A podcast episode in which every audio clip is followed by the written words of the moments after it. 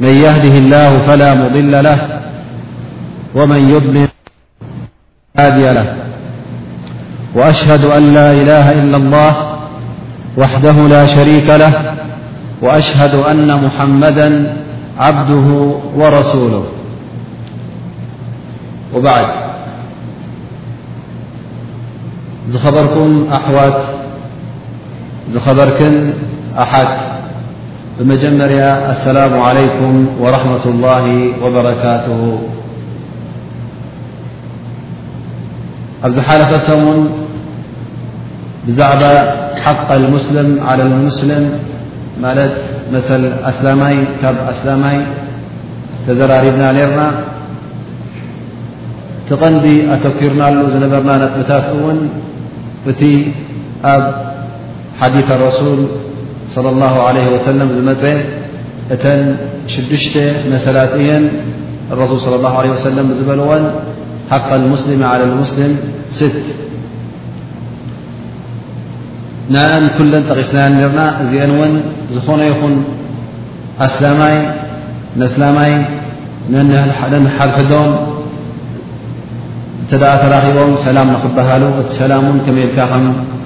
ዝግበር ኣገባብ ናቱን ስነ ስርዓት ናቱን ከምኡ ውን እቲ ቃላት ንመን ዩ ከዝግብኦ ብዛዕባ እዚ ነጥብታት እዚ ተዘራሪብና ከምኡ ውን እንተ ተፀዊዕካ ተዓዲምካ ማለት ንመርዓ ይኹን ንገለ ይኹን ንካልእ ውራይ ሕራይ ኢልካ ክትቀበል ምክንያቱ ሓወካ ኣስላማይ ስለ ዝኾነ ከምኡ ውን እንተ ምኽሪ ሓቲቱካ ሰናይ ጌርካ ክትመኽሮ ከምቲ ንነብስኻ ትደልዮ ጌርካ ክትመኽሮ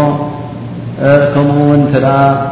እትሸው ኢሉ ኣልሓምዱሊላህ ውን እንተ ኢሉ የርሓሙከላ ኢልካ ክትምልሰሉ ኣብ ርእሲኡ ውን እንተ ሓሚሙ ክትበፅሖ እንተ ሞይቱ ውን ጀናዘኡ ተኸትልካ ኣብታ ዝኣተዋ ቀብሪ ኣብኣ ከድካ ክትቀብሮ ክትደፍኖ ክትሰግደሉ ብዛዕባ እዚ ጠቂስና ኔርና ማለት እዩ ግን እቲ ግዜ ሕፅር ኢሉ ስለ ዝነበረ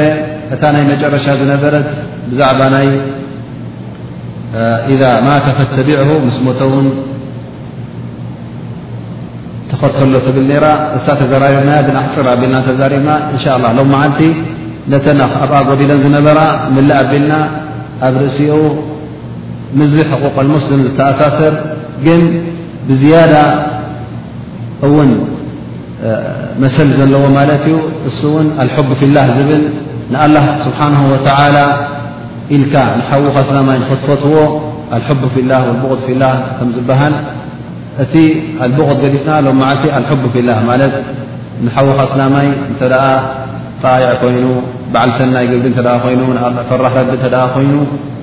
ንኽትፈትዎ ማለት ኣልሕቡ ፊላ ብዛዕባ ዝርእስቲ ክንዛረብ ኢና ኣብ ርእሲኡ እውን እንሻ ላ ኣብ ዝሓለፈ ደርስና እውን ክንምልሰን ግዜ ዝሓፀረና ሕቶታት መፅን ነረን እሰን እውን ቀሪበና ኣለኹ እንሻ ላ ሎም መዓልቲ እኹል ግዜ ረኺብና ንምልሰን ንኸውን ገለ ሕቶታት ተመፀ ሎም መዓልቲ እውን ንምልሰሉ እብል እንሻ ላ ካብቲ ናይ ዝሓለፈ ሰሙን ገለ ገዲሉና ዝነበረ እቲ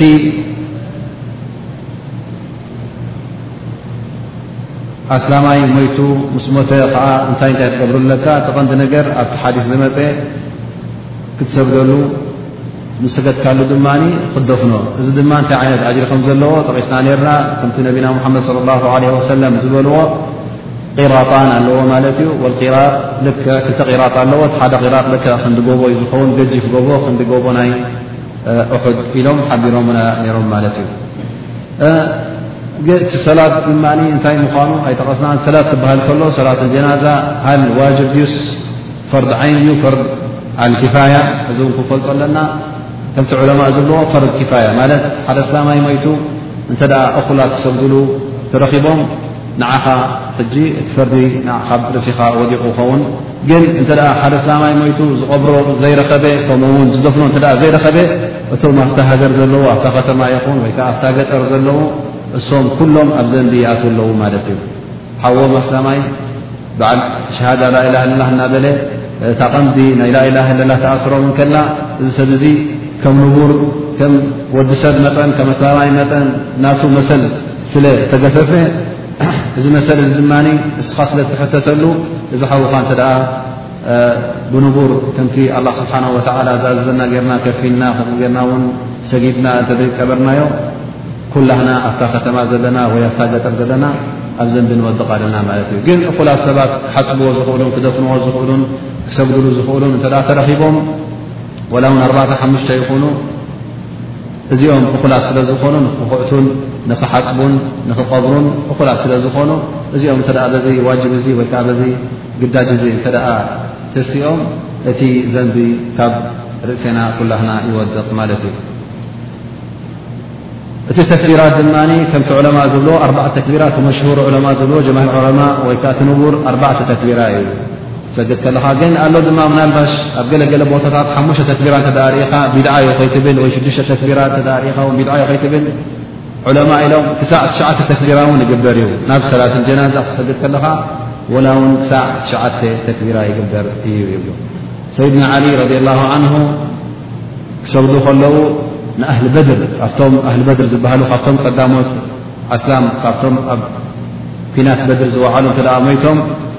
ንዕኦም ሽዱሽተ ተክቢራ ገይሮም ይሰግድሎም ነይሮም ማለት እዩ እንተ ካብቶም ኣስሓብ ረሱል ኮይኑ ግን ካብቶም ኣህሊ በድር ኣይኮነን ግን ካብቶም ካልኦት ብፆት ናይ ነቢና ሙሓመድ እተ ኮይኑ ብሓሙሽተ ተክቢራ ይሰግድሎም ነይሮም ማለት እዩ ከም ካልኦት እተ ኮይኖም ግን ካብቶም ታብዒን ወይ ከዓ ኣስሓብ ረሱል ዘይኮኑ እተ ኮይኖም ብኣርባዕተ ተክቢራ ይሰግድሎም ነይሮም ማለት እዩ ስለዚ እዚ ኣብ ሱና ነቢ ዘሎ ስለዝኾነ ምናልባሽ ካብዛ ዓዲ ወፅካ ብ ካልእ ዓዲ ከድካ ኣብዚ ሕጂ ልሙድ ኣርባዕተ ትሰግድ ዘሎ ሰብ ብኣርባዕተ ተክቢራ ምናልባሽ ሓሙሽተ ተክቢራ እተ ርኢኻ ቢድዓ ንኸይትብል ሽዱሽተ ተክቢራ ውን እተ ርኢኻ ቢድዓ ንኸይትብል እዚ እውን ኣብ ሱና ነቢ ከም ዝነበረ ክንሕብረኩም ንፈቱ ማለት እዩ ገለ ካብቲ ናይ ሙውድማሃል ምናልባሽ ሕቶ ዝመፅእ እንተ ሓወኻ ሞይቱ ኣቦኻ እተ ሞይቱ እስኻ መገሻ ነርካ ውን ብድሕሬኻ ሞይ ክኸውን ወላ ውን ከለኻ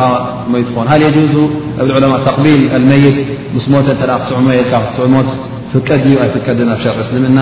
እዚ ሓደ ሕቶ እዩ ምናልባሽ ዘይፈጦ ሰብ እተሎ ክንብል ክነዳልየኩም እዚ ሓደ ድማ ማዕሉማ ንዓኹም ወይከዓ ሓድሽ ፍልጠት ን ክኸውን ይኽእል እዩ ኣልዑለማ የክሉን የጁዝ ምኽንያቱ ነቢና ሙሓመድ ለ ላ ለ ወሰለም ምስ ሞቱ ኣቡበከር ስዲቅ ኣብ ውሽጢ መዲና ይነበሩ ናብቲ ወሰናሰን ኣ ካብ መዲና ውፅ ኢሎም ስለ ዝነበሩ ኣቡበከር ስዲቅ ምስ መፀ ነቢና ሙሓመድ ሞይቶም ፀኒሖሞ ምስ መፁ ድማ ትኽ ኢሎም ናብ ረሱል ለ ላ ሰለም ኣትዮም ከምዝሰዓምዎም ኣብቲ ናይ ሱና ዘመሓላለፉ ታሪክ ዘመሓላለፉ ዘፅንሕዋ እዮም ስለዚ ተቅቢል መይት ንምዉት ክትስዕሞ ጃኢዝ ምዃኑ ይፍቀድ ምዃኑ እነግረኩም ማለት እዩ ካብቲ ገለ መሰላት እውን እንተ መሰል ኣይኮነን ይኹን ኣ እምበር ላኪን ካብቲ ሱና ወይ ከዓ መንዱብ ዝሕሰብ ኣሎ ኢዛ ረኣይቱም ጀናዛ ፈቁሙ ለሃ ምናልባሽ እስኻ እንተ ነታ ጅናዛ ክተብፅሓ ክትሰኪምካያ ክትከይድ ምስኦም ክትክተሎም ግዜ እንተዘይረኸብካ ብቕድሚኻ ክሓልፉ ከለዉ እንተሓመቐ ውን ኮፍ ኢልካ እተነበርካ ውን እንተተሳእካ እዚ ሓደ ካብቲ ሱና ናይ ነቢ ሙሓመድ ለ ላሁ ለ ወሰለም ይኸውን ማለት እዩ ከምኡ ውን ነተን ደቂ ኣንስትዮ ብዝያዳ ክነብርሃለን እንደሊ መብዝሕቲ ግዜ ሞት ክርከብ እንከሎ ደቂ ኣንስትዮ እቲ ናይ ምብካይን ናይቲ ዋጭዋጭ ዋይዋይ ምባልን ናብኡ ስለ ዘተኩራ ግን ኣብቲ ናይ ምሕፃብ ይኹን ኣብቲ ናይ ምስጋድ ይኹን እቲ ዱዓ ይኹን ኩሉ ግዜ ብዙሕ ስለ ዘይግደሳሉ ወይ ከዓ ምስቲ ዘሎ ናይ ስምባደ ይኹን ወይ እውን ጓል ንስተይቲ እውን ልባ ረቂቕ ስለ ዝኾነ ዓጥፋ ስለ ዘለዋ ኩሉ ግዜ ኣብ ምብካይን ኣብቲ ናይ ምስንባድ እንተ ትዝንብል ምናልባሽ እቲ ነቲ ሞት ዝጠቕሞ ነገራት ይርስዐኦ ይኾና እምበር ምናልባሽ ኣብዛ ዓዲ እቲ ኣብቲ ሞት ወይታ መውቲ ኣብ ስፒዳለ ኣብኡ ትመውት መብዝሕቲ ግዜ ኣብኡ ትሕፀብ ስለ ዝኾነት ግን ኣብ ሃገርና እተ ርእና መብዝሕቲ ግዜ ሰብ ኣብ ገዙ ዩ ዝመውት ንቐብሪ ክወፅ ከሎውን ዳርጋ ካብ ካብ ገዙ ዩ ዝወፅእ ማለት እዩ ኣብኡ ዩ ዝሕፀብ ማለት ስለዚ ደቂ ኣንስትዮ ውሑድ እዩ ነተ ምዉት ክሰጋሉ ዳርጋ ርኢናየን ኣይንፈልጥን ኢና ማለት እዩ ስለዚ እዚ ነገር እዚ እውን ፍቑድ ምዃኑ ክፈልጣ ኣለዎን ምናልባሽ እንተ ደኣ እሰን ምስቶም ኣሰቡት ተሰኪመንኦ ንመስጊድ ከይደን ወይ ከዓ መስጊድ ክስገዱ ወይ ከዓ ኣብቲ ቐብሪ ክኸዳውን ዘይፍቀደን እንተ ኮይኑ ኣብ ገዛ ምስ ተሓፀበ ትምዉት ሰብኣይ ይኹን ዋላ ውን ጓንሰይቲ እተ ንክሰግዳሉ ደልየን እውን ይፍቀደን እዩ ማለት እዩ ወላ በብ ሓደ ኣትን ክስገዳሉ ወይ ከዓ ጀማዓ ኮይነን ንክሰግዳሉ እዚ ንዕዐን ኣጅሪ እዩ ቀዳማይ ነገር ሓደ ሓዊ ከመይቱ ኣቦኻ ይኹን ኣዴኻ ትኹን ውላድካ ይኹን ፈልጦ ዘመትካ ይኹን ዝኾነ ይኹን ኣስላማይ ንዕኡ ድዓ ክትገብረሉ ከለኻ ንዓኻ ኣጅሪ ኣለካ እሱ ድማ ካብቲ ድዓ ትገብሮ ዘለኻ ዝያዳ ኣጅሪ እዩ ዝሽለም እበር ዝጎድሎ የብሉን ብክያድ ግን ንዕኡ ይጠቕሞ ንዓኻ ይጠቕመካ ኩሉ ግዜ ቁሩብ ተተንፍስ ትኸውን ቁሩብ ራሕማ ኣለካ ኮይኑ ትነብዕ ትኸውን እዚ እውን ፍቑድ እዩ ኩልኩል እዩ ኣይንብሎ ኢና ኣይትብከዩ ክንብለኩም ውን ኣይንኽእል ኢና ግን ትብኽያት ድማ ደረት ኣለዎ ማለት እዩ ስለዚ እተን ደቂ ኣንስትዮ ብዝያዳ ንዕን ክንላቦ እፈቱ ኣብዚ መጅልስና እዚ ተገዲሰን እቲ ዝምባሌኣን ኩሉ ግዜ ኣብቲ ናይ ብኽያት ክኸውን የብሉን እንታይ ደኣ ነቲ ምዉት ዝጠቕሞ እንታይ ምዃኑ ተረዲኤን ዕድል እንተ ደኣ ረኺበን ክሰግዳሉ እውን እፍቀደን እዩ ማለት እዩ ሰብኣን ከም እቲ ዝበልናዮ ጀማዓ ኮይነን ሓንቲ ካብአን ኢማም ኮይና ወይ ከዓ ኣብቲ ገዛ ሓደ ካብቶም ሰብት ኢማም ኮይኑ ከስግደን ስድራ ስለ ዝኾኑ ክሰግዳሉ ፅቡቕ እዩ ማለት እዩ ወይ እውን በብሓደ ኣቴን ነታ ምዉቲ ወይ ነቲ ምዉት ይሰግድሉ ማለት እዩ እተን ድማ ኣብ ርእሲ እዚ ኣብኡ ክሰግዳ ኣለዋ ንብሎ ዘለና ምኽንያቱ ኣብ ቀብሪ ክኸዳ ስለ ዘይክእላ ነቢና ሙሓመድ ለ ላ ለ ወሰለም እውን ስለ ዝኸልከልዎ ኣ ኩና ንንሃ ከምቲ ኣብ ሓዲ ዝረኸብናዮ ሓዲ ሰፊያ እንታይ ትብል ኩና ንንሃ ዓን እትባዕ ኣልጀናእዝ ጀናዛ ደድሕሪኣ ቀብሪ ክንከይድ ኣብቲ መቃብር ምሰብኡት ደድሕሪኦ ክንከይድ ንኽልከል ነርና ትብል ማለት እዩ ስለዚ እዚ ስለ ዝኾነ እቲ ሓደ ዕድል ዘለወን ኣብ ገዛ ኮይነን ንክሰግዳላ እዩ ማለት እዩ። ከምኡ ውን ካብቲ መሰላት ነዚ ምዉት ድማ ምስ ሞተ ምስ ተዘፈነ እውን ከምቲ ነቢና ሙሓመድ صለ ላه ለ ወሰለም ዝበልዎ ኢድዑ ሊኣኺኩም ኣው እስተቕፊሩ ሊኣኺኩም ፈኢነሁ ልኣነ ዩስኣል ድፍን ምስ ኣበልካዮ ግዜ ናይ ሕቶ ስለ ዝኾነ ክሕተት ስለ ዝኾነ ኣብዚ ሰዓት እዚ እውን ኣድላይ ነገር ነቲ ሙት ዱዓ ክገብረሉ ስለ ዝኾነ ኣብቲ ቀብሪ ደው ኢልካ ዱዓ ንክገብር እውን እዚ ነቲ ሓደ መሰላት ናይቲ ፈኢዛ ማታ ፈተቢዑ ዝተባሃለ ንዕኡ ተማልእ ኣለኻ ማለት እዩ እዚአን ገለ ጎዲለን ዝነበራ ነጥብታት ናይ ዝሓለፈ ሰሙን ክምልአን ፈትየ ምክንያቱ ቀልጢፍና ዕፅውዕፅው ስለ ዘብልናዮ ማለት እዩ ካብዚ ሕጂ ኣብቲ ንሎም መዓልቲ ዝመረፅናዮ ኣርእስቲ እሱ ድማ ኣልሑብ ፊላ እቲ ንኣላ ኢልካ ስብሓን ወተላ ንሓደ ሰብ ክትፈትዎ እንከለኻ እዚ ምፍታው ድማ ብርቱዕ ኣብ መንጎኻን ኣብ መንጎኡን ብርቱዕ ምትእስሳር ክኸውን ከሎ እዚ ድማ ንሊላህ ኢልካ ምኽንያቱ እዚ ሰብ እዚ በዓል ተቕዋ ፈራህ ረቢ ሰላሕ ዘለዎ ስለ ዝኾነ ከምኡ ውን ንዓይ እጠቕመኒ ኢልካ ምስኡ ፅቡቕ ርክብ ክትገብርን ፅቡቕ ሕውነትን ዕርክነትን ምትእስሳርን ክትገብር እንከለኻ የማኽረኒ የማኽሮ ኢልካ ክትመርፅ እንከለኻ ኣብ መንጎኻን ኣብ መንጎኡን ዝኸውን ናይ ሊላህ ኢልካ እትገብሮ ፍቶት እዩ ማለት እዩ ከምኡ እውን ሓብ ሓደ ግዜ ምናልባሽ ናይ ዳዕዋ ነገር ዘተኣሳስረካ ክሉ ይኽእል እዩ እስኻን ንሱን ሓደ ናይ ዳዕዋ እማመ ሓሲብኩም ነዚ ህብረተሰብና ንኣብነት ኢልኩም እንታይ እንታይ ክንገብረሉ ኣለና ናብ መገዲ ረቢ ዝመልሶ ኢልካ እንተ ከም ሓደ ሌጅና ከም ሓደ መጅሊስ ከም ሓደ ጀማዓ ኮይንካ ንሓደ ነገር እተ ትሓስብ ኮይንካ ሓደ ነገር ናይ ዳዕዋ ዝተኣሳስረካ ኣሎ ኮይኑ ኣብ መንጎኻ ድማ ብዝያዳ ናይ ፍቕሪ ክህሉ ዘለዎ ንሊላህ ኢልካ ክትፋቶ ምኽንያቱ እዚ ሓውኻ እዚ እስኻን ኣረኺቡኩም ዘሎ ናይ ስጋ ኣይኮነን ናይ ገንዘብ ኣይኮነን ናይ እንታይ ደኣ ሊላህ ኢልኩም መገዲ ኣላ ሒዝኩም ትኸዱ ስለ ዘለኹም እዚ ነገር ስለ ዘራኸበኩም ድማ ኣብ መንጎኹም ፍቕሪ ይርከብ ማለት እዩ እዚ ድማ ዝፍቕሪ ድማ ኣልሕቡ ፊላ ይበሃል ማለት እዩ ከምቲ ኣብ ዝሓለፈ ደርስና ዝበልናዮ ዝኾነ ይኹን ኣስላማይ ነስላማይ ንኽፈትዎ እዚ ዘማተ ኣይኮነን ኣስላማይ ንእስላማይ ይፈቱ ንካፍር ድማ ወይ ከዓ ንካሕዳን ይፀልእ ከምኡ ውን ብሓፈሽኡ ንተቕዋ ዘለዎ ሰብ ንፈራሕ ረቢ ትፈቱ ነቲ እከይ ዝገብር በዓል ማዕስያ ዝኾነ በዓል ሙንከር ዝኾነ ድማ ትፀልኦ ከምኡ ውን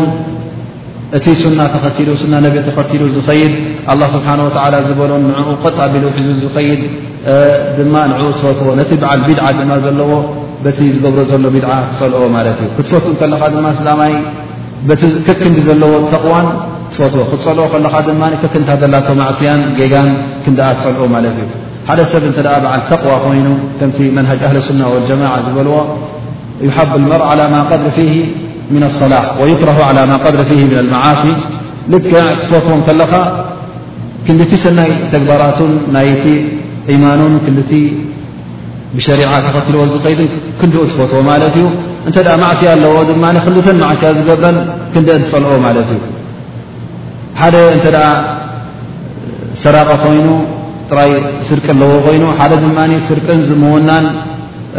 መስተን ዝሰቲ እተ ኮይኑ ነዞም ክልኦም ሓደ ዓይነት ሪኦ ውን ኢኻ ማለት እዩ እቲ ሓንቲ ጌጋ ዝገብር ሰራቂ ዝኾነ ክፀልኦም ከለኻ ትፀላላኣናትካ ልክዕ ከምቲ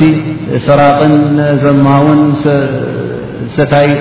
መስተን ዝኾነ ከምኡ ጌርካ ኣይትሪኦ ውን ኢኻ ማለት እዩ እዚ እቲ ዓላ ቃድሪ ማ ፊሂ ምን ኣሰላሕ ዓላ ቃድሪ ማ ዓለይ ምን ኣልመዓስ ዝበልዎ ከከምታ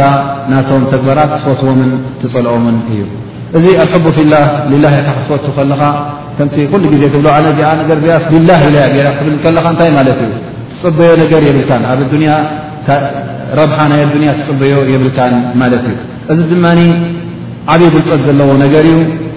ምኽንያቱ ረሱል ስለ ላሁ ለ ወሰለም ነዚ ክሕብሩና ከለዉ ኢሎም ኣውሰቀ ዑረ ልኢማን ካብቲ ዝበርትዐ ሓያል ዝኾነ ናይ ኢማን መእሰሪ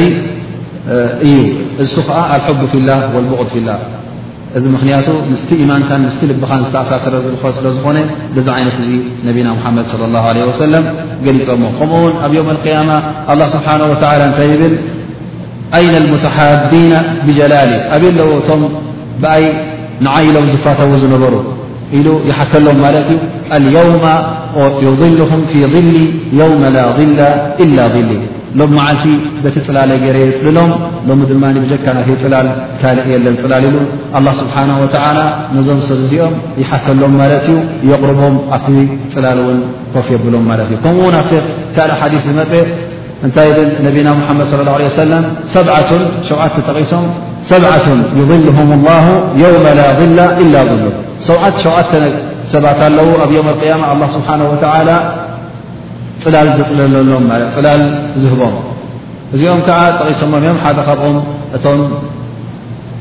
ዝፋተዉ ዝነበሩ ንኣላህ ኢሎም ዝፋተዉ ዝነበሩ ምዃኖም ነቢና ሙሓመድ صለ ላሁ ለ ወሰለም ጠቒሶሞም ማለት እዩ ስለዚ እዚ ነገር እዚ ቀሊል ነገር ከም ዘይኮነ ዮም ቅያማ ድማ ከምቲ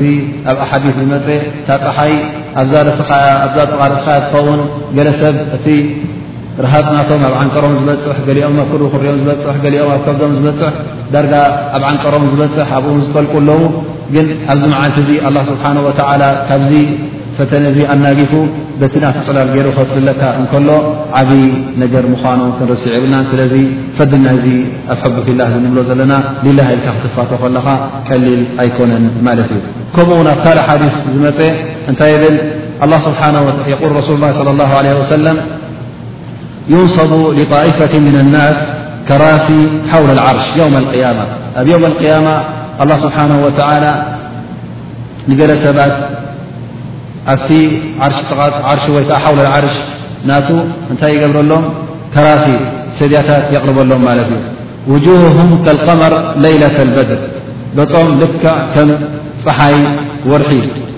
ع 1 كي ورح يبرح يفزع ول فو اف الناس ولا يخافون كل س يفره سم يفره كل س يسنبد م سم يسنبدون هم أولياء الله الذين لا خوف عليهم ولا هم يحزنون سم م ك أولياء الله تبل كتاب رب أيفره أي حزنو ሕጂ እቶም ኣስሓብ ረሱል صለ ላه ለ ወሰለም ነዚ ነገር እዚ ምስ ሰምዑ ነዚ ህያብ እዚ ምስ ሰምዑ ድማ ክሓቱ ጀሚሮም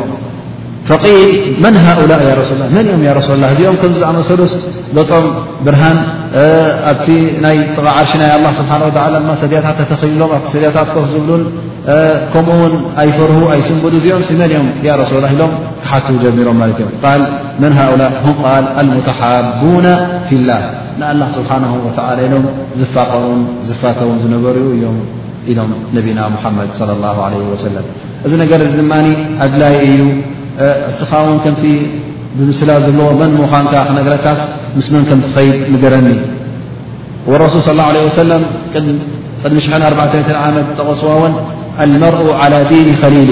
ፈልየንظር ኣሓድኩም መን ይቃልል ወዲ ሰብ ኩሉ ግዜ ምስቲ ዝፈትዎን ዘፋቕሮን ልክዕ ከምኡ እዩ እስኻን ዓርክኻን ተ ትፈትዎ ዓርክኻ ኣለካ ኮይኖም እንታይ ማለት እስኻን ንሱን ከምቲ ዝብልዎ ኮኾብካን ክኸውን ተሰማሚዖም ዳርጋ ተቐራረበ ጠባይ ኣለኩም ማለት እዩ እሱ ዝፈትዎ እስኻ ትፈትዎ እሱ ዝፀልኦ እስኻ ትፀልኦ እሱ ክኸዶ ዝደሊ እስኻ ትኸዶ ትደሊ እሱ ክርሕቆ ከይቀርቦ ዝደሊ እስኻ ይትቐርቦ ምኽንያቱ እንታይ ረኺብኩም ዘሎ ማለት እዩ እዚ ፍቕሪ ረኺቦ ሎ መውሃድ ኣለኩም ማለት እዩ ሓደ ርእቶ ሓደ ሸቶ ሓደ ኣተሓሳስባ ስለ ዘለኩም ማለት እዩ ስለዚ ዝኾነ ይኹን ሰብ እተ ንሓደ ሰብ ከፍቅሮን ክፈትዎን ክቕርቦን እተ ኮይኑ ተጠንቂቑ ክቐርቦ ኣለዎ መን እዩ ዚ ሰብ ዚ መን እየ ዝቐርቦ ዘሎ ኮይሉ ክፈልጥ ኣለዎ ምኽንያቱ ስኻልክዕ ከምኡ ኢኻ ማለት እዩ ክትመረጥ ከለኻ ሕጂ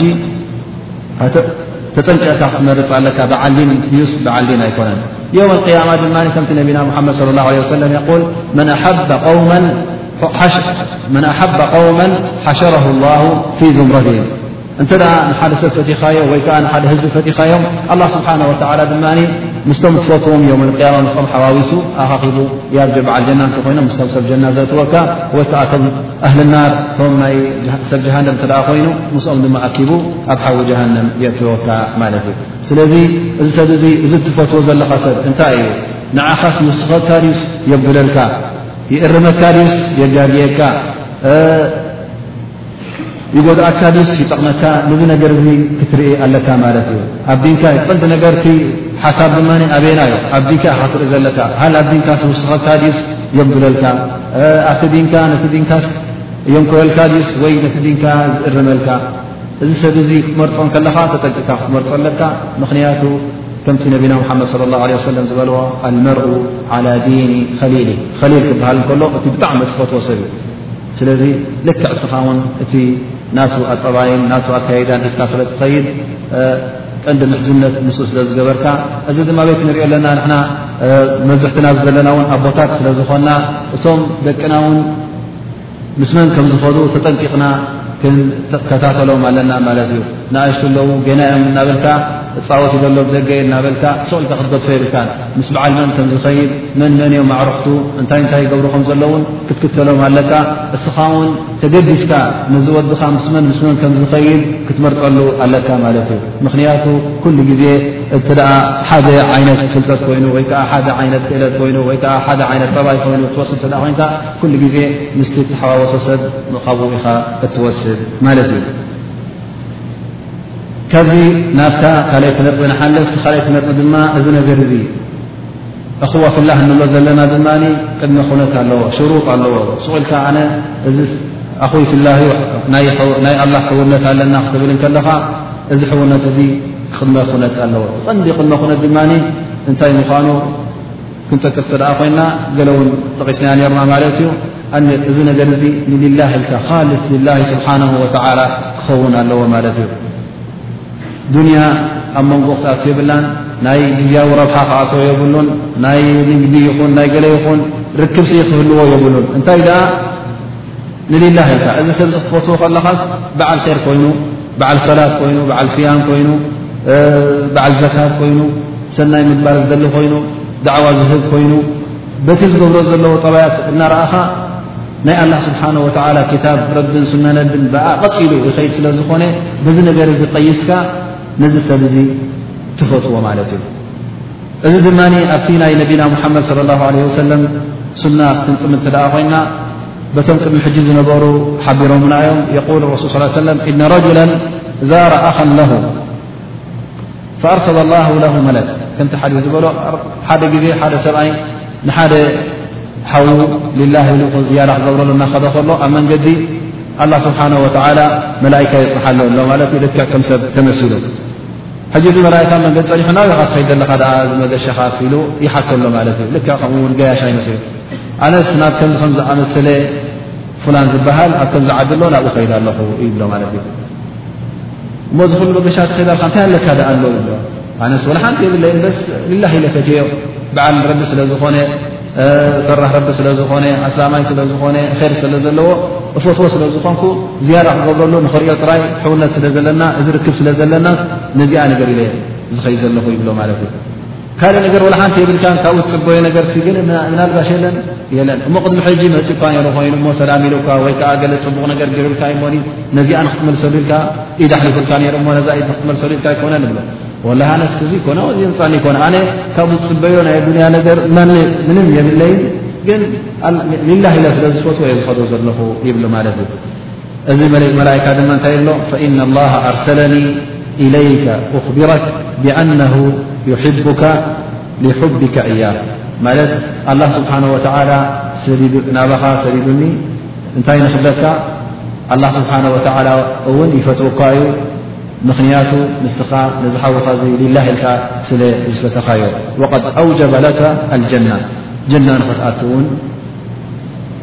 ኣኪሉልካ ወይ ከዓ ጀናውን ንክትኣቱ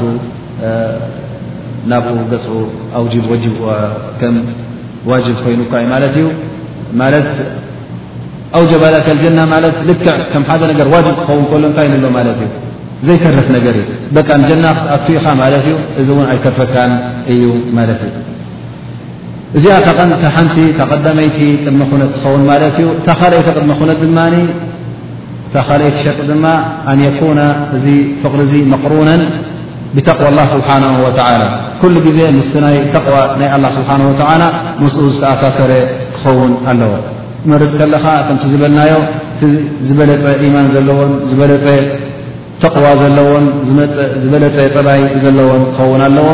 ምስኡ ዝተኣሳሰረ ክኸውን ኣለዎ ማለት እዩ እዚ ሰብ እዚ እቲ ኢማን ውን እቲ ሰናይ ተግባራን እቲ ብእስልምና ኣካይድ ውን ክግንፍዕ እንከሎ እቲ ፍቕርካ ድማ ብዝያዳ ክድንፍዕ ኣለዎ ማለት እዩ ክጎድል ከሎ ድማ እቲ ፍቕርካ ድማ ንስኡ ይጎድል ማለት እዩ ከምቲ ክስምዓካ ኣለዎ ማለት እዩ እዚ ሊላሂ ኢልካ ፈቲኻዮ ዝነበርካ ቅድሚ ሕጂ ሰናይ ዝገብር ነበረ እንተ ክጋገ ርኢኻዮ ድማ ኣብ ልብኻ ክስምዓካ ኣለዎ ማለት እዩ እቲ ፍቕሪ ናትካ ድማ በዚ ነገር እዚ ቅሩብ ክንቀጥጥ ኣለዎ ማለት እዩ ምኽንያቱ እቲ ምስኡ ዝኣስረካ ዘሎ እንታይ እዩ እቲ ዝገብሮ ዘሎ ሰናይ ተግባርን እቲ ዝኸዶ ዘሎ ሰናይ ኣከያይዳን እቲ ሒዝዎ ዘሎ ናይ ክታብ ረብን ናይ ሱና ነቢ ምኽታልን እሱዩ ድኣ እምበር ቂሑ ዓጂቡካ ይኮነ ጉልበቱ ዓጂቡካ ይኮነ እዚ ነገር እዚ ክጎድሉ ከሎ ወይ ከዓ እዚ ነገር ድማ ክትንከፍ እንከሎ እታ ፍቕሪ ድማ ክትንከፍ ኣለዋ ማለት እዩ ወላ ስብሓን ወተላ ድማ የብል እዞም ኣብ ኣዱንያ ዝፋቐሩ ኣልኣኪላኡ የውመኢድን ባዕድም ሊባዕድ ዓድው እዞም ኣብ ኣዱንያ ዝፋተው ዘለዉ ኩሎም ዮም ኣልቅያማ እንታይ ክኾኑ እዮም ማለት እዩ ነንሕዶም ክፃልኡ እዮም ኢላ ልሙተቁን ብጀካ ቶም ተቕዋ ዝነበሮም ንኣላህ ኢሎም ዝፋትዎ ዝነበሩ ተዘይኮይኑ እስኻ እንተ ናይ ንግዲ ርክብ ነሩ እኳ ኮይኑ ወይ ከዓ ናይ ስራሕ ርክብ ነሩ እኳ ኮይኑ ናይ ገለ ርክብ ነካ ብኡ ትፋት ነርካ ኮይንካ እዚ ኩሉ ትፋትዎ ዝነበርካ ኣብ መንጎኻ ኩሉ ዝኣሳስረካ ዝነበረ ናይ ኣዱንያ ነገር ስለ ዝኾነ ኣብ ዮም ኣልቅያማ ኣብ ክረኸቡ ከለኹም ነንሕሕትኩም ክትፃለ ኢኹም ምክንያቱ እቲ ኩሉ ዝነበረ ፍቕሪ ወላ ሓንቲ ይጠቅምን እያ ሩሑ ያ ሩሑ ስለ ትብል ዘላ ነንሕድካ ተጠማሚትካ እዚ ሰብ እዚ ሓንቲ ፋይዳ ይገበረለይ ናብ ኣዶንያ ሕማቕ ክገብር ከለኹ እዚ ሕማቕ ኢሉ ነሲሓ ኣየቕረበለይ እናፈለጠ ከሎ መገዲ ሓቂ ኣየርኣየኒ ምሳይ ድኣ ተኺሉ ንመገዲ እከይ እኸይድ ነይሩ ይሕግዘኒ ነይሩ ወይ እውን እሱ ዩ ሒዙኒ ዝጠፍእ ዝነበረ ኣነ ሓንቲ ክፈልጥ ኣይነበርኩን እናበልካ ስለ ትጥርጥሮ ስለዚ ኣብ መንጎኹም ፅልኢ ይርከብ ማለት እዩ ግን እንተ ምን ኣህሊ ተቕዋ ካብቶም ፈራሃት ረቢ እተ ነርኩም ኮንኩም ንኣላ ስብሓን ወተላ ኢልኩም በቲ ዘለኩም ናይ ኣላ ተቕዋ ድማ ብኡ ትፋት እተ ነርኩም ኮንኩም ኣብ ዮም ኣልቅያማ እንደገና ብዝያዳ ተፋትዉ ማለት እዩ ምኽንያቱ ዝሰብ እዙ ንመገዲ ሓቂ ንክትከይድ ይሕግዘካ ነይሩ እስኻ ድማ ንመገዲ ሓቂ ንኸይድ ትሕግዞ ነርካ ኣብ መንጎኹን ኣብ መንጎ ክልቲኹም ዝነበረ ርክብ ድማ ኩሉ እቲ ኣጅሪ ናቱ ኣብ ዮም ቅያማ ተኣኪቡ ስለ ዝፀናሓካ እዩ ማለት እዩ ከምኡ ውን እቲ እንብሎ ዘለና ፍቕሪ እውን ምስቲ ቀንዲ ናይ እስልምና መንገዲ ዝተኣሳሰረ ክኸውን ኣለዎ ምስቲ ናይ ክታብን ሱናን ዝተኣሳሰረ ክኸውን ኣለዎ ካብቲ ናይ ቢድዓን ኹራፋን ዝተባህለ ካብኡ ክርሕቕ ኣለዎ ማለት እዩ እንተ ሓደ በዓል ቢድዓ ኮይኑ በቲ ዘለዎ ቢድዓ ክትፈትዎ የብልካን ገለገለ ሰባት ኣለዎ ምናልባሽ ኣብ ገለገለ ሰባት እዚኦም ከምዚ ዓይነት መሻይኽ እዮም ከም ዝገብሩ እዮም ኢሉ ናይ ኩራፋ ነገር ስለ ዘለዎም ካብዚ ነገር ተበጊሱ ዝፈትዎም ኣሎ እዚ ድማ ኣብቲ ምስ ናይ እስልምና ዝተኣሳሰረ ኣይኮነን ማለት እዩ እቲ መንሃጅ ናይ እስልምና ወይ ከዓ እቲ ናይ እስልምና መገዲ ኩሉ ግዜ ምስቲ ክታብ ረብን ምስቲ ሱናን ነብን ዝተኣሳሰረ እዩ እቲ ፍቕሪ ናትካ ድማ ምስኡ ኣተኣሳሲርካ ክትሕዞ ኣለካ ነቶም ኣህሊ ሱና ዝኾኑ ነቶም መገዲ ሱና ሒዞም ዝኸዱ ንኦም ኻትፈቱ ድኣ እምበር ነቲ መገዲ ቢድዓ ሒዙ ዝኸይድ ወይ ከዓ ነቲ ናይ ኹራፋ ዘለዎ ኣብቲ እስልምና ዘይ ናቱ ዘእትወሉ እተ ኮይኑ ነዚ ሰብ እዚ ክትፈትዎ የብልካን ማለት እዩ ከምኡ ውን እቲ ፍቕሪ ናትኩም ውን ኩሉ ግዜ ምስ ናይ ምምኽኻር ዝተኣሳሰረ ክኸውን ኣለዎ ወይ ከዓ ከምቲ ዝበልዎ ዓለ ተናሶት ኣብ መንጎኻን ኣብ መንጎ ሓውኻን እዚ ሊላ ህልካ ፈቲኻዮ ዘለኻ ነሲሓ ክህሉ ኣለዎ ክጋገ ከሎ ትጋገ ኣለኻ እዚኣ ከምዚኣ ኣይኮነትን እዚኣ ከምዚኣ እናበልካ ክትመኽሮ ኣለካ እምበር ንፋቶይ ናልካ እከይ እናገበረ ሕማቕ እናገበረ ከየኸርዮ ፍቕሪ ኣለና እንዲ ኣብ መንጎና ሕውነት ኣሎ እንዲዩ ምእንቲታ ሕውነት ናልካ ክትሸፋፍነሉ የብልካን ማለት እዩ ምኽንያቱ ዝትንከፍ ዘሎ ናይ እስልምና ስለ ዝኾነ እስኻ ውን ልክዕ ነዚ ሰብ እዚ ከም ነፍስኻ ትፈትዎ እንተደኣ ኮንካ ከምታ ንነብስኻ ኣብ ጌጋ ክትወድቕ ዘይደልያ ንሱውን ኣብ ጌጋ ክወድቕ ኣይደልዮን ኢኻ ከምታ ንነብስኻ ድማ ኣብ ሓዊ ጀሃንም ክትኣቱ ዘይደልያ ነዚ ሓውኻ ውን ኣብ ሓዊ ጀሃንም ክትኣቱ ኣይደልዮን ኢኻ ስለዚ እንታይ ክትገብር ኣለካ ማለት እዩ ምስኡ ብሩህ ምግልላፅ ክህልወኩም ኣለዎ ክጋገ ከሎ ኣንታ ሓወይ እዚኣን እዚኣን ከምዚኣ ከምዚኣ እያ እሞኒ ትጋገ ኣለኻ ከምዝን ከምዝን ኣይትግበር እዝን እዝን ነቲ ናህና ፍቕሪ የብሎ እዩ ወይ ከዓ ነቲ ንሕና ዘለናዮ ዕውነት እውን የበላሽወልና እዩ እዚ እውን ኣላ ስብሓን ወላ ዘይፈትዎ እናበልካ ምስኡ ብነሲሓ ብምኽሪ ክትቀርብ ኣለካ ማለት እዩ ወልሙእምኑ ምርኣት ኣኺ እስኻ እንተ ሙእምን ኮይንካ እቲሓውካ ስላማይ ሙእምን ድማ እስኻ ልክዕ ከም መረጤን ክትከውን ኣለካ ማለት እዩ እንተ ዝኾነ ይኹም ሰብ ሕጂ መረጤን ኣብ ገፅ ኮፍ ኣቢሉ ምፅዋ ካብቲ ዘለኻዮ ኣይትውስኸልካ ኣይትንክየልካ ብሮት ኣለካ ብሮት ተውፅኣልካ ብሮት የብልካ ብሮት ተውፅእካ ጨጉሪ ኣለካ ጨጉርካ ተውፅእካ በራህቲ ኮይንካ ድማ ጨጉሪ ትገብረልካ እያ ስለዚ እስኻ ድማ ነዚ ሓዊ ካልክዕ ከም መርፅን ክትከውን ኣለዎ በራሕ እንከሎ ጨጉሪ ኣለካ ክትብሎ የብልካን እጋገ ከሎ እስኻ ከማኻ ዝኣመሰለ የለን ክትብሎ የብልካን ማለት እዩ ልክዕ ከምታ መረፅን ከምታ ምስትያት ኮይንካ እተን ዘለዎ ጉድለት እንተኣ ኣለዎ ኮይነን ኣብዚኣ ንጎድለካ ኢልካ ብነሲሓ ክትቀርቦ ነሲሓ ክትቦ ምኽሪ ከተመሓላልፈሉ እቲ ናይ ሕብ ፊላህ ዝበሃል ኣብዚ ይረአ ማለት እዩ ከምኡውን እንተ ሊላህ ኢልካ ተፋቱ ኮንካ እዚ ድማ ኣብ ምንታይ ክረኣ ኣለዎ ኣብቲ ኣብ መንጎኻን ኣብ መንጎኡን ናይ ምትሕግጋዝን ናይ ምትእልለያይ ክርከብ ኣለዎ እዚ ድማ ኩሉ ግዜ ኣብ ግዜ ራህዋ ጥራይ ኣይኮነን እንታይ ኣብ ግዜ ራህዋ ይኹን ኣብ ግዜ ፅበት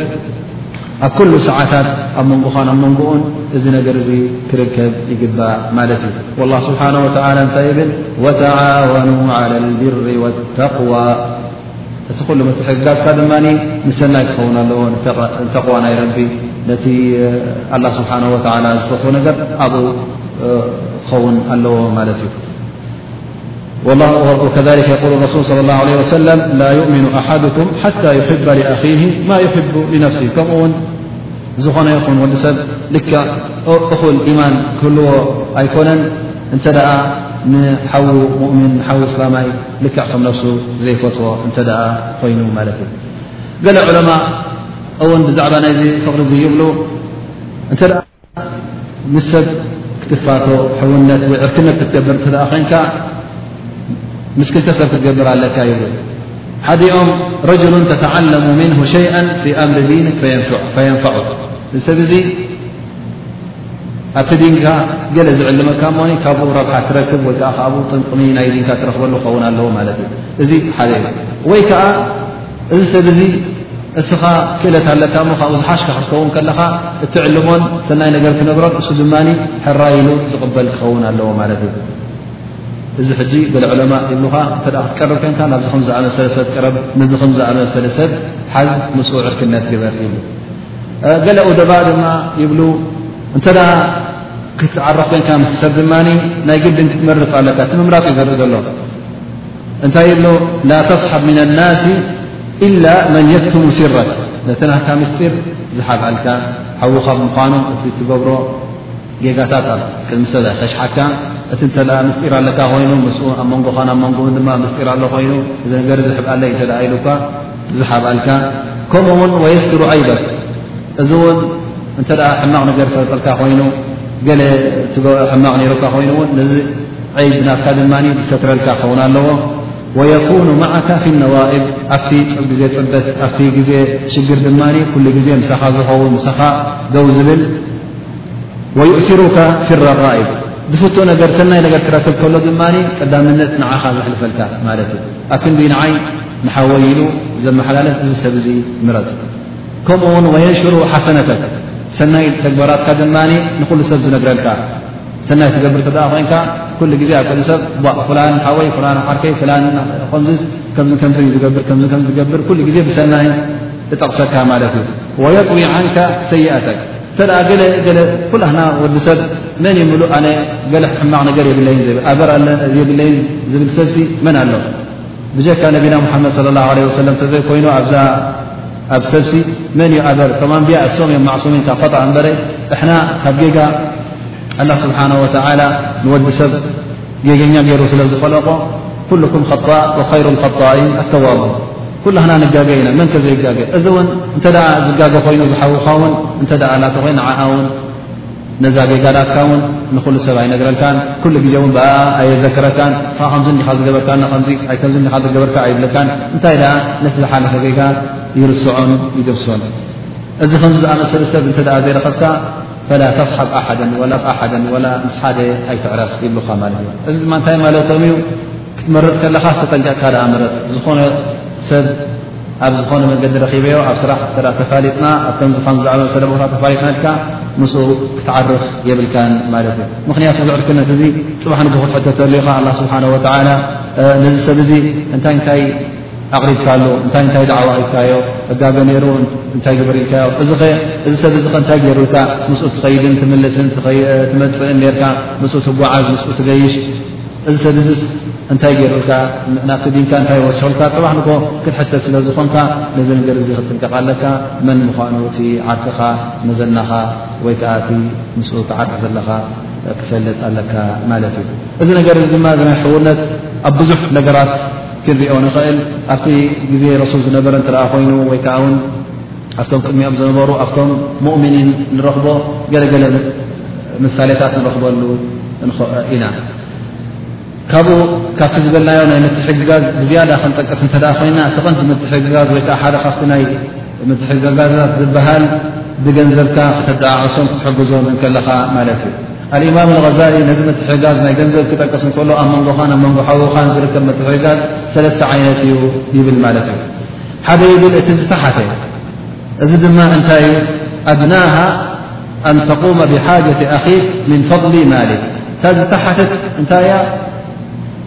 ንሓውኻ በቲ ዘለካ ብተረፍ ገንዘብካ ክትሕግዞ ማለት ትርፊ ገንዘብ ኣለ ኣነ ንዓይ እኹል ገንዘብ ኣለኒ ነብሰይ ኣኺለ ትርፊ ገንዘብ ኣለኒ ነዚ ሓወይ እዚ እሕግዞ ኢልካ እዚ ዝጠሓተ እዩ ማለት እዩ እቲ ማእከላይ ከንታይ እዩ እቲ ማእከላይ ድማ ልክዕ ከምካ ክትሪኦ ከለኻ ማለት እዩ ፍርቂ ገንዘብካ ክትቦም ከለኻ ንኣብነት ተፋቂርኩም ርኩም ሕውነት ኣለኩም ንሰብ ድማ ትሪኦ ኣለካ ሓውካ ኢልካ ወስድካዮ ከለኻ እሱ ክድረር እሱ ጥሙይ ክሓድር የብሉን እስኻ ክትግደ ንሱ እውን ክዓርቕ የብሉን ወላ እውን ስራሕ ክስእል እከሎ እተ ክእለት ኣለካ ኮይኑ ስራሕ እውን እን እስኻ በዚ ስራሕ በዚ ገንዘብ ስራሕ ኣነ ከም ስራሕ ኣለኒ ኢልካ ፍርቂ ገንዘብካ ክተማቕሎ ከለካ እዚ ሕጂ እቲ ማእከላይ ይኸውን ማለት እዩ እቲ ዝለዓለ ደረጃ ድማ ካብ ነብስኻ ዝያዳ ክትሪኦ ከለኻ ንነብስኻ ገዲፍካ ንሓወይ ኢልካ ከተመሓልፍ ከለኻ እዚ ሕጂ እቲ ዝለዓለ ናይ ሕውነት ብገንዘብካ ተርኢ ኣለኻ ማለት እዩ ላ ስብሓን ወተላ ነዚ ነገር እዚ እውን ኣብ ክታቡ ጠቒሱልና እዩ ነቶም ኣብ ግዜ ህጅራ ዝነበሩ ሙሃጅሪን ካብ መካ መፅኦም ንመዲና ምስ ከዱ እንታይ ይብል ንዕኦም ነቶም ኣንሳር ዝበልፆም እንከሎ ወለذነ ተበወኡ ዳር ወልኢማን ምን ቐብልህም ይሕቡነ መን ሃጀረ ኢለይህም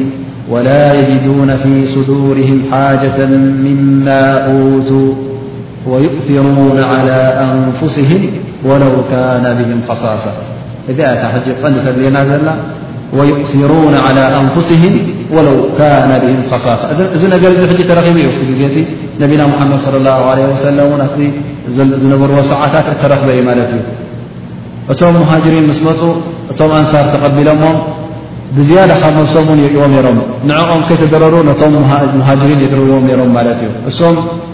ነታ ነብሶም ጠምያ ከላ ነቶም ኣሕዋትና መፅኦም እዮም ሞኒ ነዞም ኣሕዋትና እናበሉ ቀዳምነት ንዕኦም የሕልፎም ስለ ዝነበሩ ወዩእሩን ዓላ ኣንፍሲም እናበለ ንነብሶም ብዝያዳ እናፀቐጡ ነቶም ኣሕዋቶም ድማ ሰና ይገብርሎም ነይሮም ማለት እዩ ወላ እውን ጉድኣት እናወረዶም እንከሎ እቲ ጉድኣት ኣብ ክንዲ ንሓወይ ዝወርድ ንዓይ ይውረደኒ እናበሉ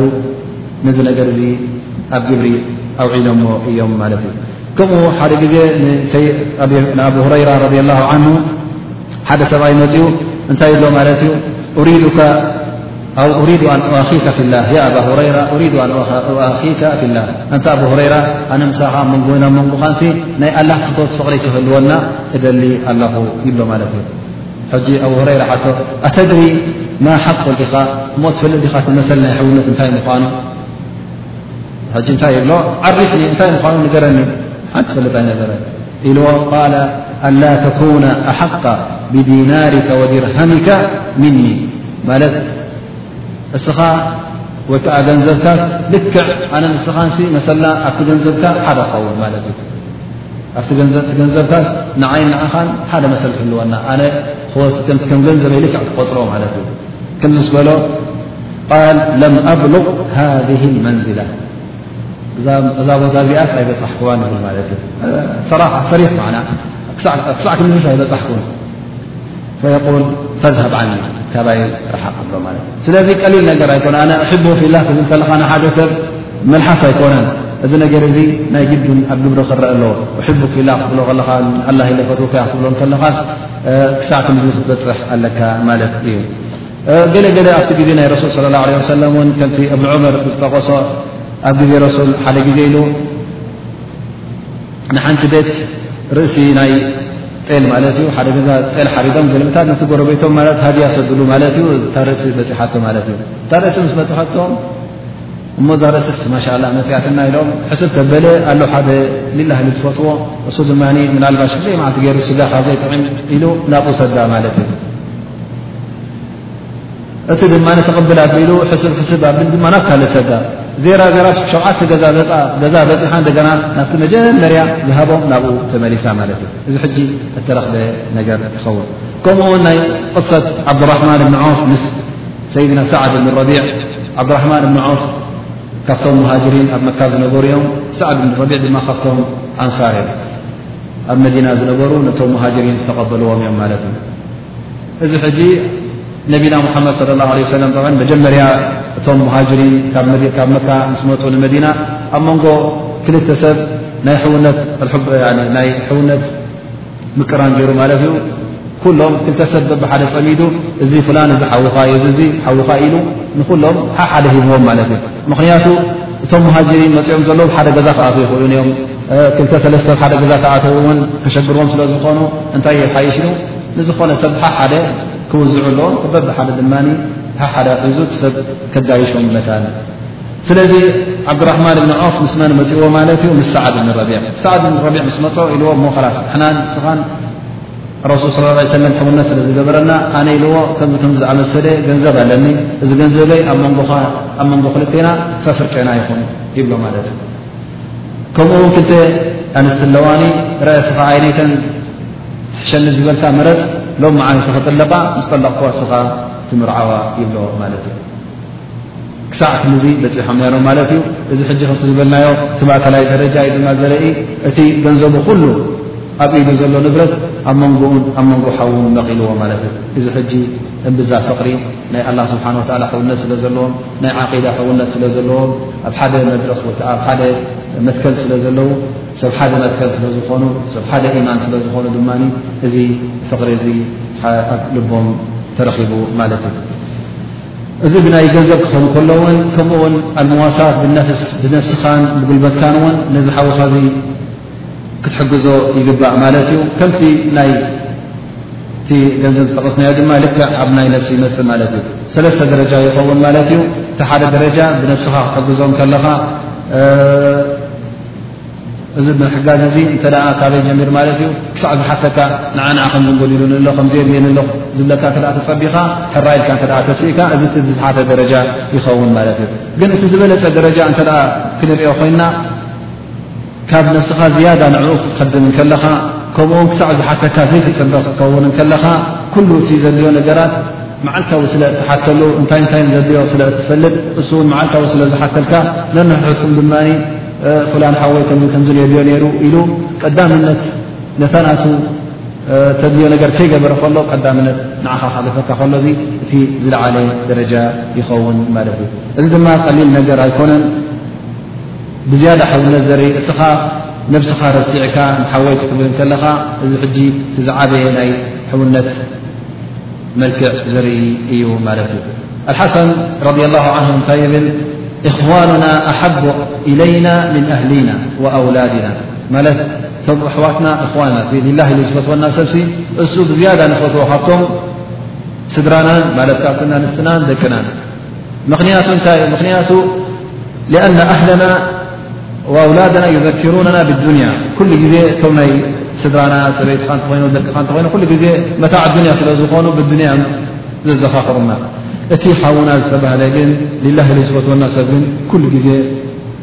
ብኣራ ስለ ዘዘክረና ኩሉ ግዜ ድማ እቲ ናተይ ናትን ሕውነት ሊላ ስለ ዝኾነ ንኣጅሪልና ስለ ዝገበርናዮ ድማ እዚ ኩሉ ግዜ ምስ ኣራ ዝተኣሳሰረ ስለ ዝኾነ እዚ እዩ ብዝያዳ ንዕኦም ከፍትወና ዝኸኣለ ይብል ማለት እዩ ካልኦት ይብሉ እወን ይብሉኻ ምናልባሽ ሓደ ሰብ ኣኹ ፊላህ ዝፈትዎን ዘፍቅሮን ዝነበለ እተ ክመውት ኮይኑ እቲ ሓዘን እዩ ዝተርፎ ኣ እምበር ሓንቲ ነገር ምናልባሽ ኣቦ እንተ ኮይኑ ውላዱ ክመቶ ከሎ ወይ ከዓ ዘበይቲ ሰብኣያ ክመቶ ከሎ ወይ ኣ ውላዱ ክመቶ ከሎ እንታይ እዩ ይሓዝን ኸውን ግን እቲ ውርሻ እውን ይረኽብዎ እዮም ማለት እዩ እዚ ሰብ እዚ ግን ዝረኽቦ ውርሻ እውን የብሉን ብጀካ ሓዘን ካልእ ሓንቲ ኣይወርስን እዩ ማለት እዩ ስለዚ እቲ ፍቕርናቱ ናይ ኣዱንያ ስለ ዘይኮነ ናይ ኣራ ስለ ዘይኮነ ኩሉ ግዜ ኣጅሪ ዘለዎ ይኸውን ማለት እዩ ብዝያዳ ፍቕሪ ዘለዎ እዩ ካብዚ ድማ ኣብ ግዜ ረሱል صለ ላه ለ ወሰለም ወይ ከዓ ኣብቲ ኣስሓብ ረሱል صለ ላه ለ ሰለም ዝገብርዎ ዝነበሩ ዝያዳ ነቶም ብፆቶም ከመይ ገይሮም ፈትዎም ከም ዝነበሩ ንንሕቶም ይፋጠኡ ከም ዝነበሩ ኣብ ኣልየርሙክ ዝተባህለት ኩናት ክንረኽቦ ንኽእል ማለት እዩ ኩናት እዚ ኩናት የርሙክ ሰለስተ ካብቶም ብፆተ ረሱል صለ ላه ለ ወሰለም ይውግኡ ሓደ ዕክሪማ ብኒ ኣብ ጃሃል እቲ ካልኣይ ድማ ሳህል ኣ ሱሀል እብኒ ዓምር ይበሃል እቲ ሳለሳይ ድማ ኣልሓር እብኒ ሂሻም እዞም ሰለስተኦም ተወጊኦም ሓቆሱ ማለት እዮም ዝተወገ እንተሎ ከልዕልዎ ማይ ዝደሊ ማይ ከስኪዎ እና መፀ ከሎ ሕጂ ሓደ ይመፅእ ማለት እዩ እቲ መጀመርያ ማይ ሃበኒ ኢሉ ዕክሪማ ማይ ኣቐብለኒ ይብሎ ማለት እዩ ነቶም ዝኸሉ ዝነበሩ ማይ ሒዞም ማለት እዩ ምጥ ምስ በለ እታ ማይ ምስ መፀቶ ኣብቲ ጥቕኡ ድማ እቲ ካልኣይ ሓዉ እቲ ሱሀይል ወዲቑ ይጥምታ ርእዎ ነታ ማይ እሞ ምስ ረኣዩ ድማ እዚ ሞ ሕጂ ማይ ደልዩ ዝሓወኢሉ ኣብ ክንዲ ንዓይ ንዕኡ ሃቦ ማይ ይብሎ ማለት እዩ ካብኡ ሕልፍ ኢሉ ናብ ሱሀይል ይኸይድ ሱሀይል ድማ ምፅ ምስ በለቶ ማይ ኣብቲ ጥቕኡ ድማ እቲ ሓደ ሓርስ ዝበሃል ነይሩ ኣልሓርስ ንህሻም ተወጊኡ ወዲቑ ነይሩ እውን ኣብቲ ግንዓይ ትባስ ሓረስ ኣሎ እሞ እዚ ቅድመ ወዲቑ ነሩ ቶ ዝያዳ ጠሚዑቶ ይከውን ንዑ ሃቦ መጀመርያ ይብሎ ማለት እዩ እዚ ማይ ሕዚ ዝነበረ ናፍቲ ሳለሳይ ክኸይድ ከሎ ምስ በፀሐ ይመውት ኣሎ ማለት እዩ እታ ማይ ከይሰተያ ከሎ እታ ማይ ከይቐበሎ ማይ ከይሰተያ ከሎ ይመውት ማለት እዩ እሞ ኢሉ ኸላ ክመለስ ኢሉ ውን ኣብቲ ሶሄል ይምለስ ኣሎ ኣብ ሶሄል ዝተመለሰ ሶሄል እውን መይቱ ይረኽቦ ካብ ሱሄል ድማ እሞ ናብ ዕክሪማ ከይድ ኢሉ ኣብቲ መጀመርያ ማይ ዝጠለበ ማለት እዩ ናብኡ ይኸይድ ኣብኡ ምስ ከደ ድማ ሞይቱ ይረኽቦ ማለት እዩ እዚኣ ሕጂ ውሪይቲ ቅሳ ኣብቲ ግዜ ሰሓበት ረሱል ለ ላ ለ ሰለም ዝተገበረት እያ እዚኦም ሕጂ እቲ በፅሖሞ ዘለዎ ኣብ ናይ ሞት ኣብቲ ቐርቐራ እዩ ነይሩ እዚ እንከሎ ውን ኣብ ክንዲ ኣነ ክረዊ ኣብ ክንዲ ኣነ ክሰቲ ኢሉ ናብቲ ምናልባሽ ዝሓወይ ዝያዳ ተድዮ ትኸውን ዝያዳ ክጥዕሚ ይኸውን ኢሉ ኣሕሊፉ ናብቲ ሓዉ የመሓላልፋ ነይሩ ማለት እዩ። ስለዚ እቲ ፍቕሪ ናይ ሕውነትን እቲ ፍቕርን ክሳዕ ክንዚ ክበፅሕ እንከሎ ንሊላህ ኢልካ ትፋቶ ኣለኻ ማለት እዩ። እዚ ሕጂ ጠቐስናዮ ብዛዕባ ናይ ገንዘብን ናይ ጉልበትን ክሳዕ ክንደይ ክትፋቶን ክትፋቐርን ከም ዘለካ እንታይ እንታይ ከ ከተወፊ ከም ዘለካ ጠቒስና ነርና ማለት እዩ። ካልኣይ እቲ ሳልሳይ መሰል ድማ ናይ መልሓስ መሰል ይኸውን። እዚ ክንብሎ ከለና ድማ እዚ ሰብ እዚ እተ ሓወይ ኢልካ መሪፅካዮ ሊላ ይፈት እተ ኢልካ ኮንካ ቀዳማይ ነገር ብመልሓስካ ክጥንቀቆ ዘለካ ካብ መልሓስካ እከይ ክወፅ የብሉን ካብ መልሓስካ እከይ ክመሓላለፎ የብሉን ማለት እዩ ሕሜት ይኹን ዝሃበካ ምስጢራት ይኹን ምዕውቀት ከተውፅእ ሕማቕ ነገር ዝገብሮ እተ ኣለዎ ኮይኑ ኣብ ሰብ ክትፈትሖ ወይ ከዓ ዝጋገዮ ነገር እተ ኣሎ ኮይኑ እዚ ሰብ ዚ ከምዚ ከምዚ ንገብር ኢልካ እቲ እከይናቱ ከተውፅእ ወይ ክትሓምዮ ወይ ገለ ዝኾነ ይኹን ሕማቕ ንዕኡ ዝጎድእ ነገርሲ ካብ መልሓስካ ክወፅእ የብሉም ካልኣይ እዚ መልሓስካ ድማ ኩሉ ግዜ ብሰናይ ዘረባን በቲ እድፈትዎሽን ክትፅውዖ ዳዕዋ ከተቕርበሉ ንዓ ከምዝን ከምዝን ግበር ከምዝን ከምዝ ኢልካ ነስሓ ክትቦ ኩሉ ግዜ ናብ ር ክትዛረብ እዩ ዘለካ ማለት እዩ እቲ ናይ ሸር ናይ እከይ ዓፂኻ መልሓስካ ኩሉ ግዜ ብናይ ሰናይ ክትዛረቦ ይግባእ ማለት እዩ ከምኡ ውን ካብቲ መሰላት ናይ መልሓስ ድማ ኣሸፋዓ ሸፋዓ ማለት ድማ መንጎኛ ክትኮነሉ ማለት እዩ ምናልባሽ እንተ ገለ ነገር ኣድልዎ ኮይኑ ትፈልጦም ሰብ ስራሕ እተ ኣለዉ ኮይኑ ስራሕ ክትእትዎ እተ ኮይኑ እስኻ መንጎኛ ኮንካ ዋስጣ ኮንካ ክትዛረበሉ እዚ ሕጂ ዓብዪ ኣጅሪ እዩ ዘለዎ ማለት እዩ እዚ ሕጂ ሓደ ቀሊል ኣብነት ኣብ ዝኾነ ይኹን ገለ ነገር ኣድልይዎ ሞኒ እስኻ እንተ ኣብዚ ቦታ እዚ ሸፋዓ ክትገብር ክትውሰጥ ወይ ከዓ መንጎኛ ክትከውን ትኽእል እተ ኮንካስ ክትከውን ይግባእ ማለት እዩ ምክንያቱ ኣረሱል ስለ ላ ለ ሰለም እንታይ ይብሉ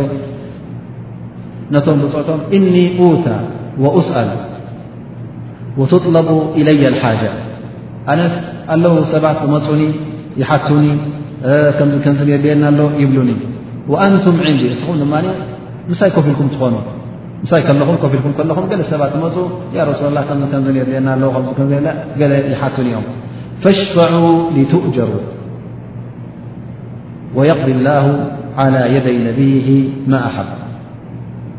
ወላ እውን እቲ ነገር እቲ ኣይኹነሎም ግን እተ እታ ሸፋዓ ገርካ ያ ረሱላ እዚ ሰብ እዚ ዝፈጦ ዩ በዓል ኸይር ሞኒ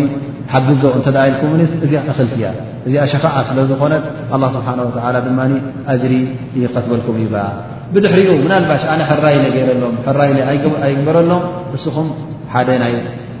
ኣጅሪ ባብ ትረኽቡ ኣለኹም ኣጅሪ ድማ ትግልቡ ኣለኹም ስለዚ ነዚ ነገር እዚ ድማ ኣይትረስዑዎ እስኻ እንተ ክእለት ኣለካ ኮይኑ መንጎኛ ንክትከውን ሓደ ሰብ ኣብ ሓደ ቦታ ክኣ ኣይከኣለን ምስ ሓደ ሰብ ገለ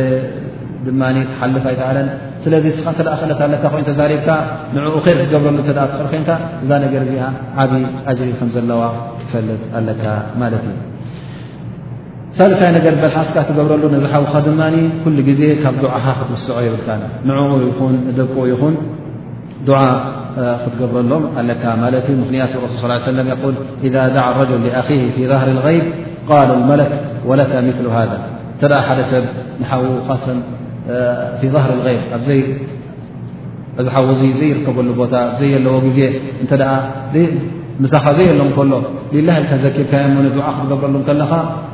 እንታይ ኣለካ ማለት እቲ መላኢካ ወለካ ምሉ ዛሊክ ከምቲ ልክዕ ዱዓ ዝገበርካሉ ድማ ንዓኻ ይወሃበካ ማለት እዩ እዚ ድማ ኣብቶም ቀዳሞት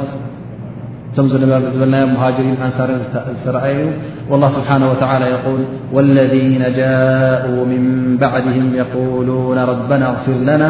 ወልእኽዋንና ለذነ ሰበቁና ብልኢማን እዚ እንታይ ሕጂ እቶም ቀዳሞ ዝነበሩ ኣሕዋትና ልላ ኢሎም ስለ ዝፈተዎም እንታይ ገብርዎም ማለት እዩ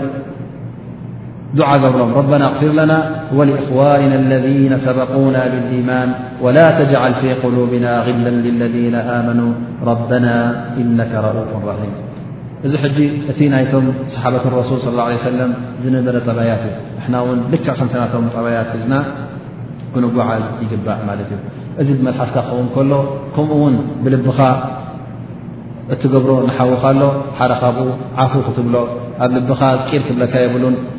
ዘይጋገ ሰብ የለን ከምቲ ዝበልና እተ ሓንቲ መዓልቲ ተጋግዩ ንዓኻ ድማ ገለ ሕማቕ ነገር እተ ገይሩካ ሕማቕ ገይሩኒ ኢልካ ኣብ ልብኻ ክትሕዝ የብልካን ቂም ክትሕዝ የብልካን እንታይ ደኣ ቂር ከይበለካ ክትምሕሮ ሊላ ኢልካ ክትምሕሮ ፈመን ዓፋ ወኣስላሓ ፈኣጅርሁ ዓላ ላህ እና ላሃ ላ ዩሕቡ ዛልሚን ከምኡ ውን ኣብ መንጎኹም ክትጠልሞ የብልካን ጥልመት ክህሉ የብሉን እቲ ኣብ መንጎኹም ዘሎ ኪዳን ወይ ከዓ እቲ ምትእስሳር ቀፃሊ ክኸውን ኣለዎ ኣብ ህይወት ይኹን ወላ እውን ምስ ሞተ እውን ኩሉ ግዜ እቲ ክትጠልሞ የብልካን ኩሉ ግዜ ብሰናይ ክትዝክሮ ኣለካ ዝገደፎም ውላድ ዝገለፎም ኣሕዋት እንተ ኣለዉ ኮይኖም እውን ኩሉ ግዜ ክትሓተሎም ኣለካ ምኽንያቱ እቲ እሱ ዝፈትዎ ነበረ እንትፈት ስለ ዝኾንካ እዚ ነገር እዚ ድማ ንዓኻ ኣጅሪ ይውስኸካ እምበር ኣጅሪ ዘይብድረካ ስለ ዝኾነ ኣብ መንጎኹም ድማ ናይ ልባዊ ወፋእ ወይ ከዓ ልባዊ ዘይምጥልላም ክህሉ ኣለዎ ማለት እዩ እዚ ክንብል ከለና ኩሉ ድማ ኣነ እዚ ሓወይ ዚ ፈትወኒዮ ኣነ ፈትወ ተባሂልኩም ነንሕትኩም ድማ ኩሉ ግዜ ዘይክእሎ ነገር ኣንታ ሓወይ ከምዚኣ ገበረለይ ክትብሎ የብልካን እተ ንኡ ተጥቅሞ ኮይና ወይ ከዓ ዘይክእላ እተ ኮይኑ እውን ካብ ዓቕሙ ንላዕሊ ክትጠልቦን ክትሰክሞን የብልካን ማለት እዩ እዚ ሕጂ እቲ ቀንዲ ናይ እቲ ኣብ መንጎኹም ክኸውን ዘለዎ ብልባዊ ይኹን ብኣካላዊ ብማላዊ ብኩሉ ወገናት ናይ ምትሕግጋዝን እቲ ፍቕሪኻ ወይ ከዓ ፍቕርኻ እተርእየሉ መዳያት ይኸውን ማለት እዩ እዚ ነገር እዚ ድማ እቲ ኣብ መንጎኻን ኣብ መንጎኦን ዝበልናዮ ናይ ምፍታው ዘሎ ስነ ስርዓት ኣለዎ ንዕኡ ድማ ዝያዳ ዘዕምቆን ዝያዳ ድማ ዘተኣሳስርን ነጥብታት ኣሎ ማለት እዩ። ሓደ ካብኡ ነቢና ሙሓመድ ስለ ላሁ ለ ሰለም ዝጠቐሱልና እንተ ደኣ ንሓደ ሰብ ቢላህ ኢልካ ትፈትዎ እተ ኮይንካ ክትነግሮ ኣለካ ረሱል ስለ ላሁ ለ ሰለም የቁል ፊማ ረዋሁ ትርሚዚ ኢዛ ኣሓበ ረጅሉ ኣኻሁ ፈልዩኽቢርሁ ኣነሁ ይሕቡ እተ ንሓደ ሰብ ፈቲኻዮ ሊላህ ኢልካ እተ ፈቲኻዮ ሊላህ ኢለስ ፈትወካ ኢልካ ክትነግሮ ኣለካ ማለት እዩ። ምኽንያቱ እዚ ነዚ ሰብ እዚ ኣነ ዝፈትውካ ክትብሎ ከለኻ ተስዓ ካብ ሚእቲ ወ ተስዓን ትሽዓተን ካብ ሚእቲ እንታይ ይኸውን ማለት እዩ እሱ እውን ፈትወካ ክፈትወካ ክትብሎ ከለኻ ኪድ ኣነ ፀላእካይ ዝብለካ ዳርጋ ውሑድ እዩ እስኻ ድማ ክትፈትዎ ከለኻ ሌላ ኢለ ትፈትወካ ክትብሎም ከለኻ እዚ ድማ ዝያዳ ኣብ መንጎኹም ነቲ ፍቕሪ ከበርትዖን ከደንፍዖን ይኽእል ማለት እዩ እዚ ሓውኻ ድማ ክትረኽቦ ከለኻ ኩሉ ግዜ ገፅካ ከፊትካ ብብሩህ ግፀ ገፅ ክትቅበሎ ኣለካ ማለት እዩ እዚ ምቕባል እዚ ድማ ብዝያዳ ንዓኻ ኣጅሪ ይወስኸልካ ንኡ ድማ ንልቡ ይኸፍተሉ ማለት እዩ ወረሱል እንታይ ይብል ላ ተሕቂረና ምና ልማዕሩፍ ሸይኣ ካብ ሰናይ ነገር ወላ እውን ይውሓድ ዝኾነ ይኹን ነገር ከተናእስ የብልካ ወለው ኣንተልቃ ኣኻከ ብወጅህ ጠልቕ ወላ እውን ንሓዉኻ ብብሩህ ገፅ ክትቅበሎ ከለኻ እዚ ሓደ ካብቲ ማዕሩፍ ኣጅሪ ዘለዎ እዩ ቀሊል ነገር ውን ኣይትውሰዶ ምና እዚኣ ሕጂ ቀላ ትኾኑ ሓደ ሰብ ሓልፍ ከሎ ፍሻልካ ክትቅበሎ ከለኻ ብሩህ ገፅ ክትቅበሎ ከለኻ ንዓኻ ሓንቲ ኣይተውግለልካ ያ እምበሺ ትውስኸካ ማለት እዩ ብዝያዳ ድማ ኣጅሪ ዮም ልቅያማ ይኽተበልካ ስለዚ እዚ ቀሊል ነገር ኣይኮነን ውሑድ ነገር ኢልካ ድማ ኣይተናእሶ ላ ተሕቂረና ምን ልማዕሩፍ እዚ ሓደ ማዕሩፍ ስለ ዝኾነ ውን ኣይተናእሶ ይብል ኣሎ ማለት እዩ ነቢና ሙሓመድ ለ ላ ለ ወሰለም ከምኡ ውን ኣብ መንጎኹም እንታይ ክኸውን ኣለዎ ኩሉ ግዜ ኣተዋሲ ብልሓቅ ወተዋሲ ብሰብ ኩሉ ግዜ ኣብ መንጎኹም ምምኽኻር ክርከብ ኣለዎ ከምቲ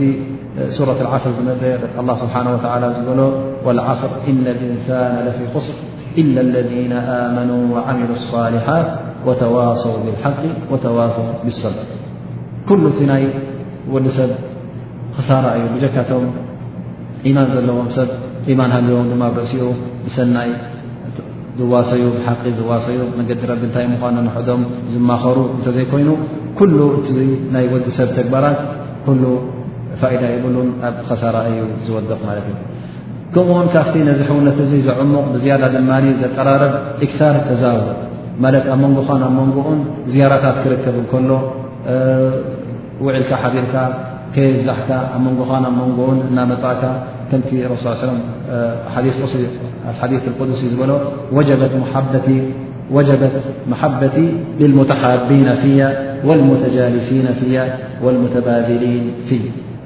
ማለት ኣላ ስብሓን ወተላ እውን ነዞም ሰብ ዚኦም ይፈትዎም እዩ እንተ ደኣ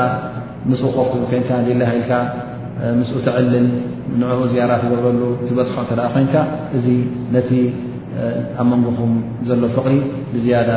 ዝውስኾን ዘደንፍዖን ይኸውን ማለት እዩ ከምኡ ውን ካብቲ ነዚ ነገር ዚ ዘደንፍዕ እንተ ገለ ኣጋጣሚ ተረኺቡ ብናይ ዒድ ይኹን ናይ መርዓ ናይ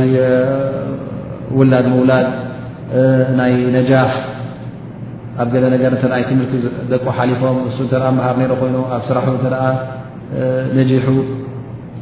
ከምኡ ውን ካብ መገሻ ክመፅ ከሎ እተ ሕማም ሓይሙ ሩ ካብ ሕማም ክሓው ከሎ ወይ ከዓ ዝሓመመ ካብ ስድርኡ ሩ ክሓው ከሎ እዚ ነገራት ክርከብ ከሎ ስኻ ሕጂ ነዚ ኣጋጣሚ እዚ ርኢኻ ድማ ኩሉ ግዜ ዮሃና ክትብሎ ኣልሓምዱላ ሰላም ክትብሎ እንዕ ረቢ ኣውፅዐካ ን ረቢ ከም ዝገበረልካ እናበልካ ከምቲ ደሰትካ ክትገልፀሉ ከለኻ እዚ ሕጂ ብዝያዳ ኣብ መንጎኻን ኣብ መንጎውን እቲ ዘሎ ፍቕሪ ይዓቢ ማለት እዩ ከምኡ ውን እንተ ናይ ብሓቂ ፍቶት ኣለኩም ኮይኑ ነዚ ፍቶት እዚ ድማ ክድንፍዕ ትደልዎ እተ ኮይንኩም ድማ ኣብ መንጎኹም ሃብያ ክርከብ ኣለዎ ማለት እዩ ተሃዱ ተሓቡ ምክንያቱ እንተ እቶም ሃድያ ክትህብ ከለኻ ረሱ ስ ሰለም ን ሃድያ ይቕበል ነይሩ ዩ ሃድያ ይህብ ነይሩ ዩ ኣብ ግዜ ረሱል ዝነበረ ዩ ከምኡውን ተሃዱ ተሓቡ ስለ ዝበለና ኣብ መንጎና ናይ ሃድያ ምሃብ ክህሉ እንከሎ ብዝያዳ እቲ ፍቕርና ይውስኽ ማለት እዩ ኣብ ርእሲኡ ድማ እንተ ገለ ነገር ኣልዎ እንተ ገለ ነገር ክትገብሮ ዘይከኣለ ሎ ኮይኑ ድማ ንዚ ነገር እዚ ብዝከኣለካ መጠን ክትገብረሉ ከለኻ ብዝያዳ ንዕኡ ይሕገዝ እስኻ ውን ኣጅሪ ትረኽበሉ ማለት እዩ ሊኣን ረሱል ስለ ላ ሰለም እንታይ ብል መን ነፈሰ ዓን ሙእምኒን ኩርበተን ምን ኩረብ ኣዱንያ ነፈሰ ላ ዓን ኩርበተን ምን ኩረብ የውም ቅያማ እንተ ኣብ ኣዱንያ ገለ ነገር ጠቢባቶ ነራ ኮይና እሞ ክገብራ ዘይከኣለ እስኻ መፅእካ ኣላ ስብሓን ወተላ ገለ ክእለት ናይ ማል ኮይኑ ናይ ጉልበት ኮይኑ ናይ ፍልጠት ኮይኑ